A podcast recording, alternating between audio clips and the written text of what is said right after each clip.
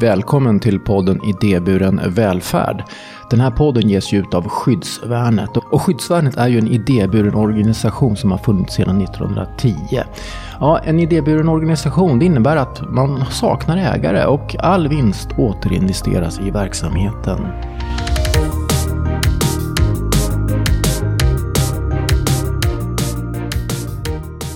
Idag befinner jag mig i Spånga och vi ska prata om eh, Blå vägen. Och jag har två gäster här. Jag säger välkommen till Ulla-Maj Ceder Lindberg och Gunilla Rosengren. Välkomna hit. Tackar. Tackar. Ja, vi, vi är på ert huvudkontor. Absolut. På Skogängsvägen 59 i Spånga. Och valet av plats handlar en hel del om att vi har integration som ett av våra ledord. Och det här ligger precis mittemellan Gamla Spånga och eh, Tensta-Rinkeby som är förortsområden, så kallat miljonprogramsområden. Så och vi försöker knyta ihop de världarna på bästa sätt. Ja. När jag går in på Blåvägens hemsida så läser jag att det är ett icke vinstdrivande socialt företag i Stockholm med en omnejd som hjälper långtidsarbetslösa och ja, långtidssjukskrivna till arbete och bättre hälsa. En ekonomisk förening. Det är en ekonomisk, ett kooperativ. Ja, ja Ulla-Maj, ska du berätta något mer? Om, jag kan väl bara säga... Börja med dig själv förresten. Ja.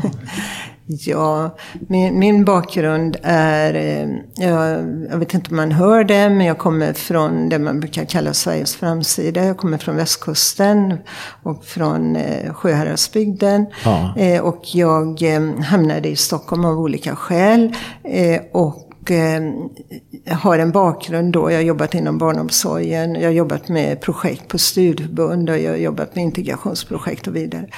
Och eh, eh, pluggade teologi i Uppsala på 50 procent och sökte en halvtidstjänst. Och då eh, fanns det eh, en tjänst som flyktingkonsulent på något som heter Spånga Blåbandsförening, som vi kallar vår moderförening. Ja. Och vi jobbade med flyktingintroduktion ett antal år och började sen med arbetsmarknad. Och så småningom växte det fram då, då det här eh, kooperativet, alltså sociala företaget Blå vägen, ur den verksamheten.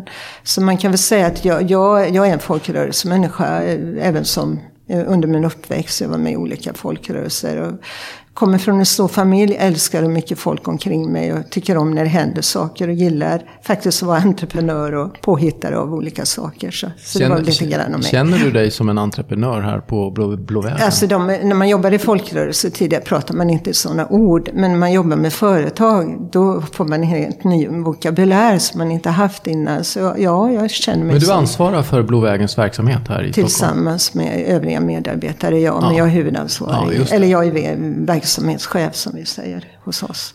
Och Gunilla, du är ju också på sätt och vis verksamhetsansvarig, eller husansvarig, eller vad ska man kalla det? Ja, en del utav verksamheten där vi har olika verksamheter, typ hantverk, skaparverkstad, trädgård. Ja, du sitter i ett hus bredvid här, tvärs över gatan. Ja. Du visade, du pekade för mig. Ja, ett gammalt, gammalt hus. Det är byggt 1931.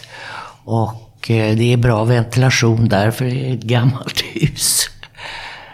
Eh, men tanken är tyvärr, tyvärr, tyvärr att det ska rivas. Ja. Till förmån för tätbebyggelse då. Ja, men om vi tänker oss nu, mm. eh, vad händer den här veckan och veckan innan? Vad är det ni gör i huset? Vi tar emot många nya deltagare.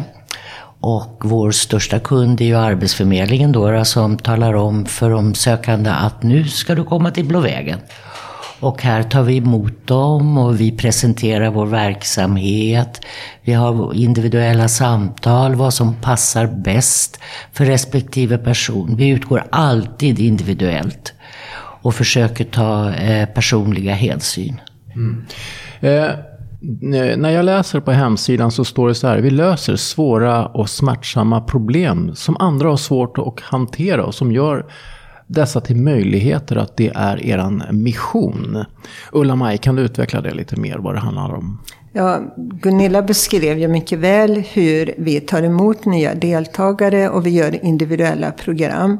Och alla människor som kommer har sin egen historia och det är väldigt vanligt när man kommer att man är sitt problem. En människa är inte bara problem. Alla människor har någon, man har en gnista inom sig, man har något som Eh, man behöver få hjälp med och, komma på att jag kan faktiskt. Och vi gör ju allt vi kan för att underlätta den resan för de personerna som kommer till oss. Och det gör vi via, via både program med arbetsträning men också att var och en har en arbetskonsulent som man har regelbundna samtal med. Och sen har vi olika Eh, Eh, kompetenshöjande, stödjande insatser som vi gör under vägen. Och något som är jätteviktigt är den här sociala gemenskapen som människorna delar i sammanhanget där man är, där man hjälper varandra och, och eh, ja, har ett vanligt liv så att säga. Man har gått hemma arbetslös länge eller sjukskriven länge och inte haft ett sammanhang. Här kommer man upp på morgonen, kommer iväg och det är några som blir glad över att se en. Och sen så via, via arbetskonsulentens samtal med deltagarna får man pröva på. Och vi har så många, det man kallar success stories, där, där människor då helt plötsligt börjar de göra saker som de själva inte hade någon aning om. Och jag brukar ibland få höra att ja, du lät mig göra det här och det här och det trodde jag ju inte själv att jag kunde. Men det blev vägen till, vidare till, till arbete och mycket bättre självförtroende. Mm. Så att det, och vi är fruktansvärt uthålliga och vi är fruktansvärt envisa. Vi brukar säga att vi är försvarsadvokater för våra deltagare. Och jag kan, Gunilla, du kan ju verkligen ge exempel på hur du har hjälpt människor. Och det har vi många exempel från fler. Men jag tänker särskilt på många deltagare som som kämpar då med, det kan vara problem i familjen, problem med ekonomi, jättevanligt, problem med att klara av myndighetskontakter. Ja. Som man behöver hjälp med. Och vi, säger det, vi kallar det undanröja arbetshinder. För att man ska kunna få ett så bra liv som möjligt. Så detta är väl svaret på din fråga då. Vad är det vi gör med den utmaningen att göra det som andra har svårt att klara. Ja, uh, Ulla-Maj gav mig en liten folder här innan vi körde igång den här inspelningen. Och där kan man faktiskt läsa om det här, precis som du säger, om Fatem, så jag rätt nu, är, som var sjukskriven i tio år men arbetar idag som entrepren med entreprenörskap, friskvård och projekt. Hon, eh, det står så här, jag kom snabbt in i gemenskapen och började hjälpa andra, vilket, jag gjorde, vilket gjorde att jag återhämtade mig snabbt. Men Gunilla, vilka är det som deltar? Vilka är de här deltagarna? Finns det någon, någon, någon, någon typisk deltagare? Absolut inte. det är det som är så härligt. Eh, det är ingen som är den andra lik. Vi träffar människor som kommer från krigshärjade länder. Vi träffar personer som har levt kanske i missbruk i 10-20 år och levt på gatan och börjar hämta sig.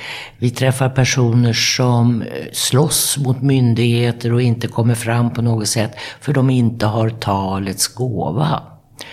Och eh, där kan ju vi på Blå vägen då göra en stor insats och där behövs det starka nyper kan jag säga. Och, och, det är ganska hårt i myndighetsvärlden nu. och eh, tänker man då som Arbetsförmedlingen som är vår största kund, de träffar inte sina arbetssökande längre. Och eh, där man då ska göra planering med människor och tappar 80% av bilden för man inte ser personen i fråga då kan det bli tokiga beslut. Mm. Mm. Vi återkommer lite grann kring utmaningar och problematiken. Men jag vill stanna kvar vid Blå vägen och Blå vägens metod. Mm. För ni har ju en process. Eh, vi pratar här om att det här är faktiskt en Stockholms eh, regionverksamhet. Mm. Och ni finns ju på ett antal orter och vi kom överens om att det var Skärholmen, Tensta, Spånga, Hjulsta och eh, Sundbyberg. Mm. Eh, precis. Men eh, Ulla-Maj, kan du beskriva lite grann om vad det här handlar om? För det är ju flera hundra som får jobb varje år från den här verksamheten. Mm. Jag läser i foldern här nämligen. Ja. Vi, vi jobbar ju med, med, en metod som vi kallar hela kedjan. Där, där vi gör det som jag beskrev nyss då, att vi har ett individuellt program för, för deltagarna. Där de får ett, en anpassad verksamhet utifrån vad, vad de har för eh, kompetens med sig och vad de har för utmaningar i sina egna liv. Men grunden är att alla som kommer till oss går i en arbetsträningsverksamhet och sen kompletterar vi det då med, med språkstöd och med stödjande insatser för det som man behöver och sen eh, matchning mot jobb. Sen ska jag säga det här med hur många som får jobb. Det har ju också att göra med vad vi får göra och inte göra för Arbetsförmedlingen. Och vi, vi, vi kämpar ju jättemycket för det och jag tror att enskilda handläggare på Arbetsförmedlingen tycker också det är helt idiotiskt. Men man säger att vi får inte göra vissa saker på grund av att det skulle konkurrera med upphandlad verksamhet. Och då säger vi, det gör inte det för de deltagarna vi har kan inte gå på den upphandlade verksamheten för att de har inte de förutsättningarna. Utan man behöver en stegförflyttande verksamhet innan man kanske kan ta, ta en yrkesutbildning eller liknande. Så att eh, eh, i vår, vår metod så, så kopplade vi verkligen till det deltagarna behöver och har vi inte det, då skapar vi det. Vi startade nyss en, en kurs för eh, deltagare som behöver självförtroendeträning till exempel. Ja. Eh, så att vi, vi anpassar då utifrån den målgruppen vi har. Men sen var det en person som började i en arbetsträning och så upptäckte man nej men det här var inte bra för henne och helt plötsligt så jobbar hon lite som assistent åt Gunilla och, och jag ser en glad person och det är inte så länge hon har varit här och det, det är ju det här som är det, det fantastiska med det här arbetet att vi vi är en platt organisation med stor utrymme för, för egna initiativ och personalen. Vi har givetvis gruppsamtal, veckomöten och annat där vi stämmer av. Vi, vi är nära till varandra. Men vi har också en flexibilitet att vi, vi kan styra om. Om något inte funkar då har vi inga långbänkar med det utan då, då ändrar man helt enkelt. Så. Och sen så jobbar vi med de, de insatser som finns eh, med, med Stockholms stad bland annat. Det finns något som heter servicetjänster och sådär. Och då, då jobbar vi med det. och eh, för att hitta, hitta jobbmöjligheter på det sättet med, med deras coacher. Och tar in någon, vi har en tjej som har jättebra kontaktnät, marknadsförare, då får hon hjälpa till med sina kontakter. Så att vi det är väl det som är en del av entreprenörskapet i den här verksamheten också. Att vi, vi, vi, vi, vi är, men vi måste också vara flexibla för att vi ska kunna få de resultaten vi vill ha. Är det inte så att hela idéburna sektorn präglas ganska mycket av nytänkande och ja, innovationskraft faktiskt? Mm. Gräv där du står och hitta lösningen. Ja, men det blir väl så? Va? Ja, absolut. En, en viktig sak också tycker jag ska nämnas och det är ju att Blåvägen har ju haft anställda alltifrån 30 personer och ända upp till en 150, tror jag, mm. 160. Eh, och vår eh, policy är att vi rekryterar i första hand inom våra egna led. Och eh, i dagsläget så kan man säga att det är ungefär 75-80 procent som tidigare är deltagare som hjälper vår verksamhet framåt. Eh, och på så sätt har vi ju också, vi har ju mångkulturell arbetsplats. Vi mm. kan hur många, inte jag, jag kan inte.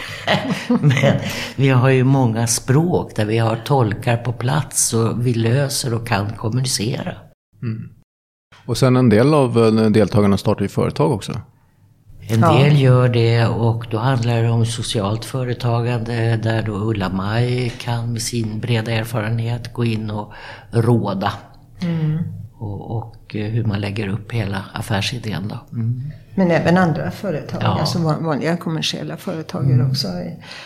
Så att det är en frisör, någon startar en äldreomsorg mm. och städbolag och lite annat. Mm. Så så att det, vi, vi ger möjligheten där, mm. där förutsättningarna finns. Och, och där är, finns ju exempel på de som har varit sjukskrivna, inte orkat, suttit och gråtit här flera månader. Och sen är det någon som är en riktigt duktig företagare. Mm. För man får möjlighet att ta fram det man har med sig, mm. till exempel från sitt hemland. Det gäller ju att hitta det man är bra på och upptäcka ja. kvaliteter. Ja. Det kan jag och, tala om av egen erfarenhet. Ja, ja men, men, alla har det. Ja. Utan det handlar om i den här kommunikationen och få fram det. Så det, och vi säger, och det säger jag till all personal, vi gör inte jobbet åt någon. Nej. Utan vi skapar förutsättningar för att de själva själva ska kunna vara aktörer och, och växa och ta stegen.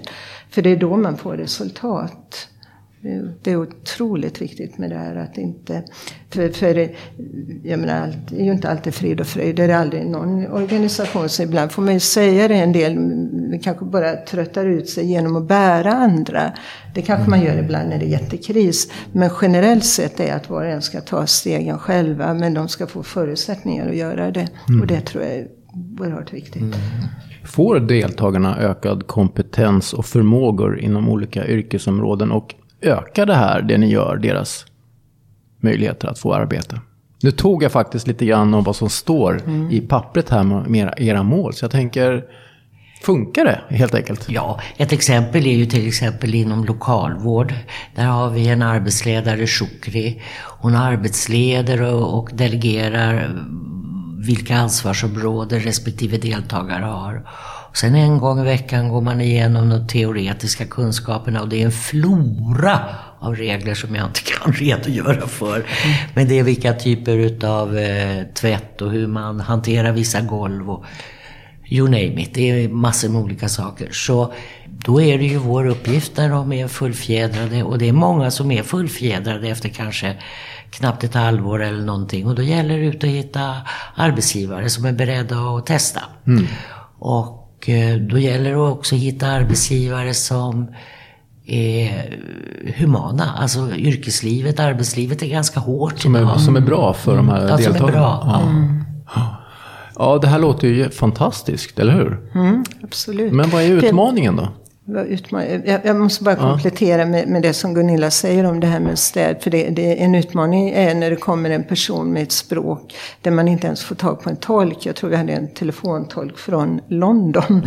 Eh, och hur Shukri då med sådana här appar, för, för, personen var, som jag tänker på, var analfabet. Hon kunde ju inte läsa och skriva.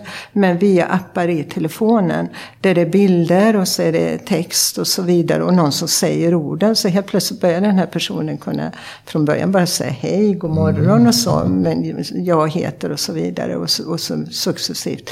Och då handlar det om lokalvård, lär, lär sig olika moment och olika begrepp för olika saker. Så det, Alltså jag är jätteimponerad när jag ser det här, hur, hur, man gör. Och det är det vardagliga, vanliga arbetet som man jobbar i. Ja, det är exempel på hur IT och teknik, teknik kan uh, göra uh, underverk faktiskt. Absolut. Mm. Och det är också det här med, med digitalt utanförskap. Att, att inte kunna hantera en dator och så vidare.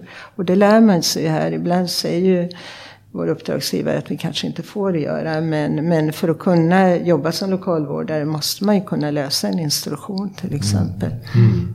Så det, det, måste vi, det handlar om. Och, och, även för att utföra arbetet här rätt måste man ju kunna. Det, det är ju som på vilken arbetsplats som helst. Så man måste lära ja. sig sådana här saker. Ja, Ulla-Maj, inför inspelningen av det här avsnittet så pratade vi en hel del om det vi redan har pratat om, men också om det här med utmaningar och vad är det som hindrar er från att göra mer?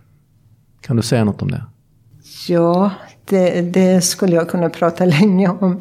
Eh, det, det, stora är ju hur man organiserar eh, Arbetsförmedlingen i nuläget. Vi har varit inne lite grann på det här med att de inte har individuella handläggare som ansvariga längre. Ja. Men, men det är, ingen skugga ska falla på den individuella handläggaren att de gör så gott de kan.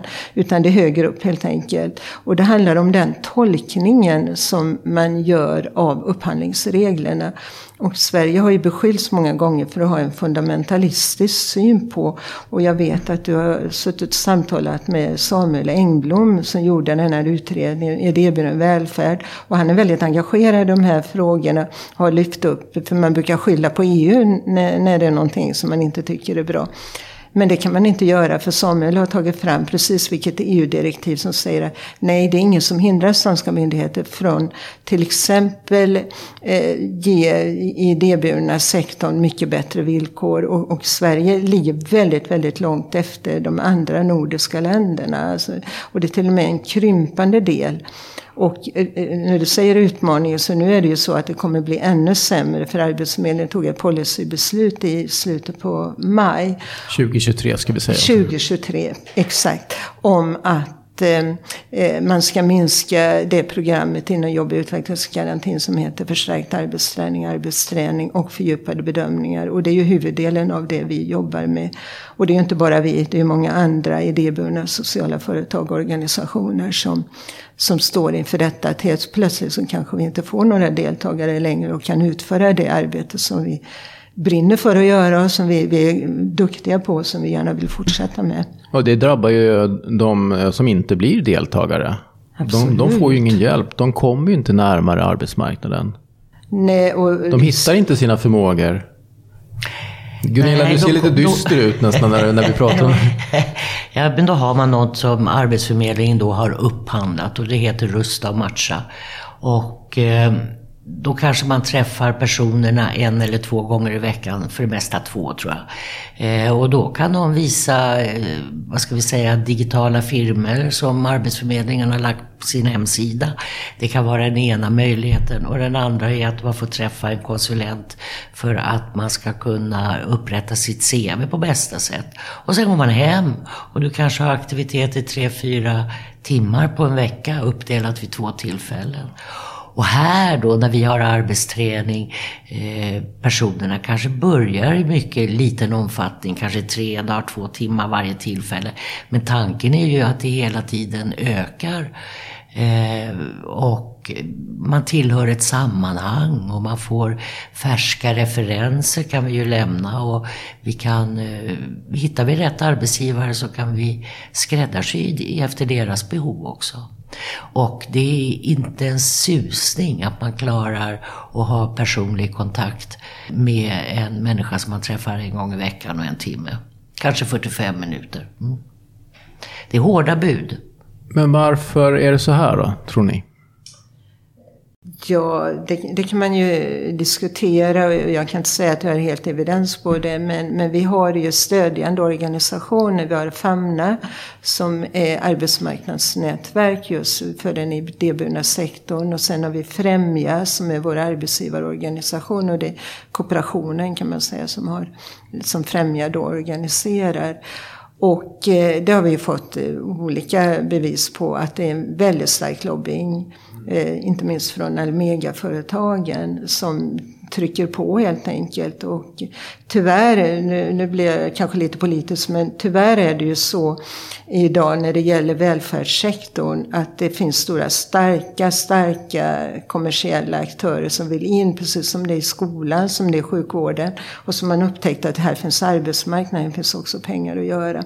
Så att jag tror tyvärr att det, det, det är duktig lobbying och vi, våra organisationer är duktiga men inte alls på samma sätt. Och vi, vi är ju små vi är pygméer jämfört med de här andra. Så att, eh, men det pågår, det pågår arbete idag och det, det, vi har sett, jag, jag, skrev till Maria Mindhammar, generaldirektören för Arbetsförmedlingen och fick svar då att nej, vi kommer inte lägga ner den förstärkta arbetsträningen, arbetsträningen. Vi kommer ut med klargöranden i september. Så, men det, kom, det kommer ju ändå bli en fokus på upphandlad verksamhet. Så att eh, möjligtvis så är det eh, något steg, ett pygmesteg men kanske ett litet steg framåt i bästa fall. Men vi vet inte, vi lever under en stor osäkerhet i nuläget. Ja, och nuläget är ju 24 augusti 2023 och eh, mycket kan komma att hända kanske under absolut, hösten här 2023 absolut. som påverkar er verksamhet. Mm. Men eh, om vi ska försöka komma in lite optimistiskt här eller positivt eh, i slutdelen på den här eh, intervjun med er. Eh, vad är önskescenariot?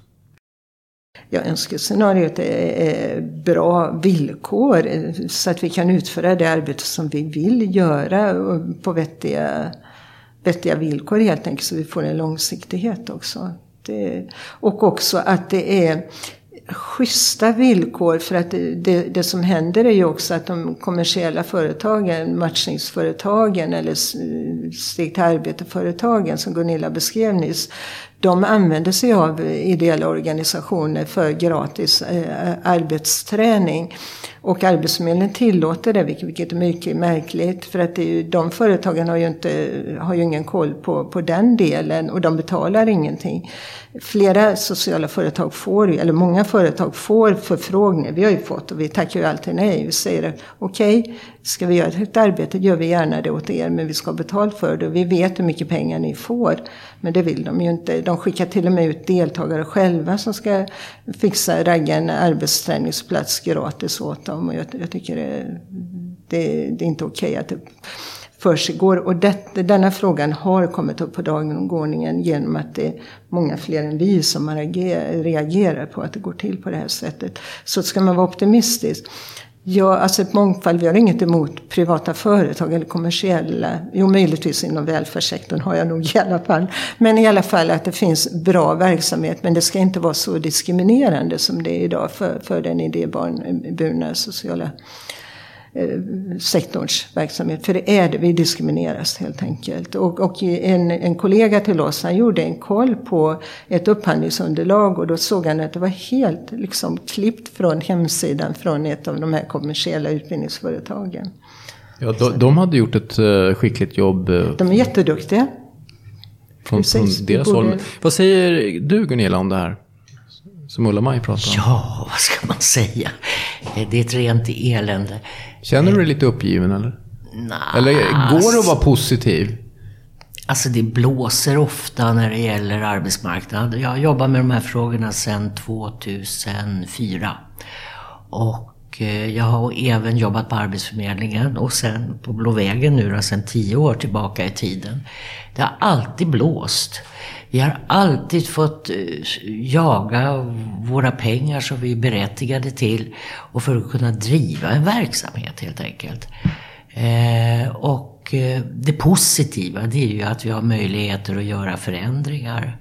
Så mycket utav handpåläggningen på varje person, det handlar ju om mycket ja, nick och blick, tro på dem och, och, och pusha och säga det går. Allt går utom små barn. Ja, ja. Härligt. Och jag skulle vilja avsluta med den här frågan. Eh, Ulla-Maj, vad är bäst med ditt jobb? Vad är det roligaste? Varför, alltså, varför gör du det du gör? Så det som är så kul? Det blir aldrig tråkigt. Ibland är det för mycket, ja. kan man ju också säga. Nej, men jag, jag gillar ju folk, som jag sa i inledningen. Jag, jag, jag tycker om att vara med människor. Och sen eh, också att, som du säger flera gånger Gunilla, att man kan göra en skillnad. För det handlar ju också om, jag har i grunden ett politiskt engagemang. Det handlar om vilket samhälle vill vi ha? Våra barn, barnbarn, kommande generationer. Vad är det, vad är det vi, vi är ju med och bygger någonting framåt. Mm. Och då, då, då är det viktigt vad var och en gör. Och då gör jag min lilla bit och andra gör sin lilla bit. Och då är vi med och bidrar. Och då känns det att vi, vi gör det här ihop. Det blir så nära möjligheterna ja, på något sätt. Du ja. ser det, får den feedbacken. Ja, ja. ja, Gunilla, om du ska svara på samma fråga. Vad är bäst med ditt jobb? Det är att man inte vet hur dagen slutar. Tycker du om det? Ja, jag, jag gillar det. En del vill ju ha uh, kunskap om hur dagen slutar. Ja, men det, men det behöver inte jag. Nej. Jag behöver inte det. För det kan hända allting under en dag här på jobbet. Eh, och det gäller bara att vara alert och, och på tå. Eh, och möta där behoven uppstår. Och mycket, mycket handlar om nick och blick. Alltså att se personerna. Och det är läckert när man kanske är 50 personer i en större lokal och ser nick och blick till en person som sitter längst in i hörnet där och, och vi får kontakt. Ja. Det är häftigt. Och det gäller ju alla sammanhang. Det är en universellt knep skulle jag vilja säga. Nick och blick. Bara, ja. bara liksom ja. Det behövs sig. inte mer. Nej. Nej. Ja, Ulla-Maj, ett avslutande ord på vägen till den som lyssnar på oss välkommen om ni råkar vara i regionen i Stockholm så varmt välkommen till Blå vägen. Titta gärna in på våra kaféer, ta en kopp kaffe. Eh, kom till systugan och titta på fina varor som vi har och vi berättar gärna mer om vår verksamhet. Så, och eh, vill ni göra något liknande så hjälper vi gärna till för att starta något liknande. Vi vill gärna ha fler sociala företag också. Ja. Ja, Gunilla, vad skulle du vilja skicka med till den som lyssnar på oss? Jag vill att eh, olikheter berikar och att samhället tillåter det. Att vi kan få göra på olika sätt beroende på vilket behov som finns. Ta till exempel att vi som arbetsgivare är skyldiga att ha en arbetsmiljölag eh, och arbetsmiljövillkor. Och vill vi erbjuda våra deltagare liknande så är det ofta stopp. Och det har jag väldigt svårt att förstå. Därför ger jag mig inte. Jag kan få horn i pannan brukar jag säga. Och det kanske är en eh, positiv egenskap. Ja, det behövs. ibland. Ja. Ibland inte. Ja. Härligt. Stort tack för att ni tog er tid och att jag fick komma hit till Spånga och er verksamhet här. Jag åt ju bland annat lunch här på den fina restaurangen som är bakom dörren här. Och eh, till dig som lyssnar, gå in på blåvagen.nu så kan du läsa mer om allt det här som vi har pratat om. Tack ska ni ha. Tack själv. Och Tack. eh, tack till dig som lyssnar. Du vet ju att du kan prenumerera på den här podden om du inte redan gör det så missar du inga kommande avsnitt. Hej då! Hej då.